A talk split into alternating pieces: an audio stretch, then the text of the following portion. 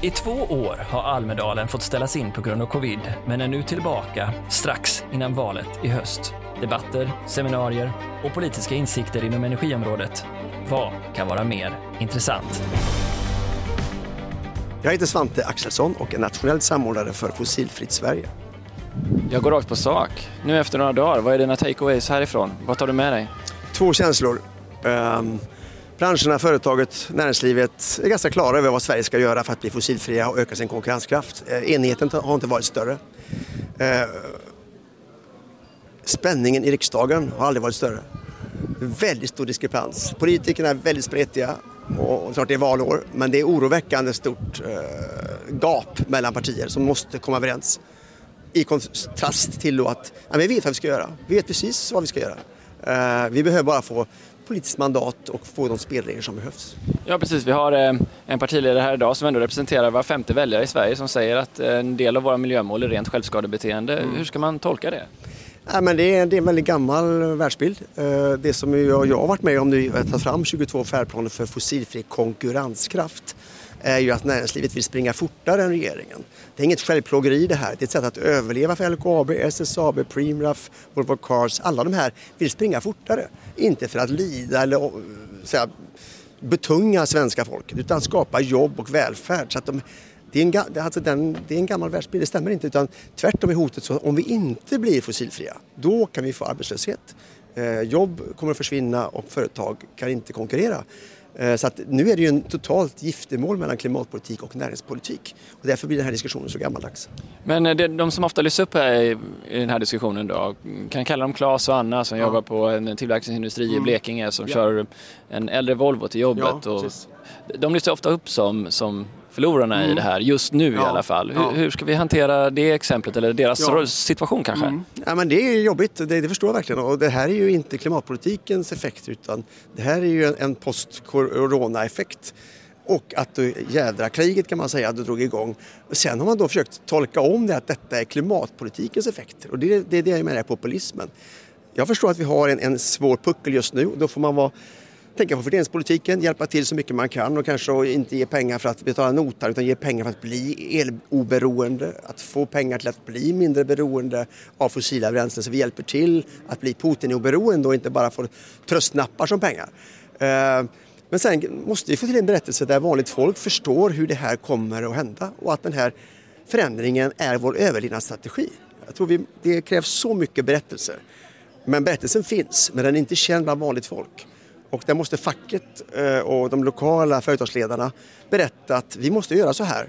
Och då kan inte kommunerna få makt eller mandat att stoppa elledningar, stoppa vindkraft om näringslivet säger att vi behöver det här för att vi ska ha jobben kvar i Karlskrona och Bengtsfors. Och samtidigt som det kanske hackar lite i samarbetet då på nationell nivå så kommer fler och fler exempel om välfungerande regionala och lokala samarbeten. Ja. Är, har det blivit en tryggare väg framåt just nu? Hur ser du på det? Nej, men samarbete är ju den svenska konkurrenskraften. Vi är bra på samarbete eh, och vi är också bra på strukturomvandling och, och, hjälpa varandra och, om man drabbas med vissa företag inte kan konkurrera. Vi får exempel nu att när man lägger ner dieselbilsproduktionen i Skövde så får ju de arbetarna chans att om, omskola sig och vara med i elektrifieringen av elbilar. Det är enormt viktigt att vi hela tiden ger nya kompetenser. Så att kompetensfrågan är kanske den svåraste frågan, den svåraste flaskhalsen att vi får kompetenta människor på de nya jobben. Och det är nog det som gör mest, mig mest orolig.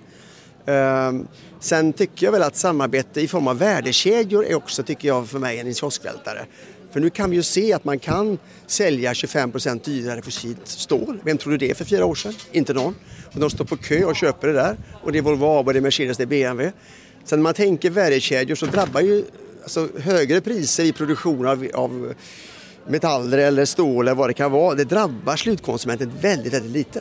Och det tror jag också är en väldigt viktig insikt så man inte blir rädd för den här samhällsförändringen. Så kompetensen är en stor utmaning, men du nämnde för mig senast vi hade det här samtalet att en av de sakerna du hela tiden missar på är att du bedömer teknikutvecklingen alldeles för långsamt. Ja. Och nu är det ju snart ett år sedan ändå. Ja.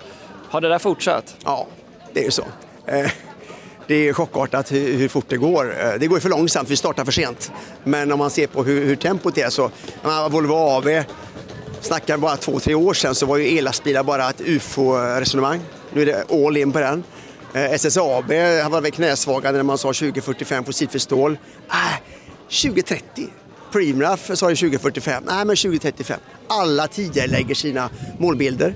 För lärkurvan, ni vet, går ju ner när volymen ökar och betalningsviljan för att rädda planeten ökar varje dag.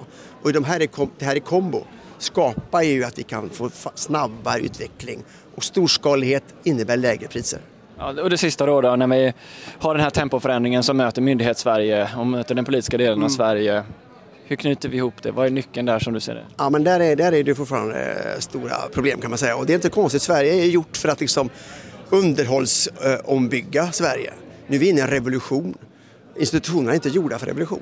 Eh, och därför måste vi nu få mandat och vi har några piloter och experiment som, som hittar nya vägar. Vi fick höra att Henrik Henriksson hade liksom själv organiserat kan man säga tillståndsprocessen och kommit ner till 6,5 månader, vilket normalt tar flera år.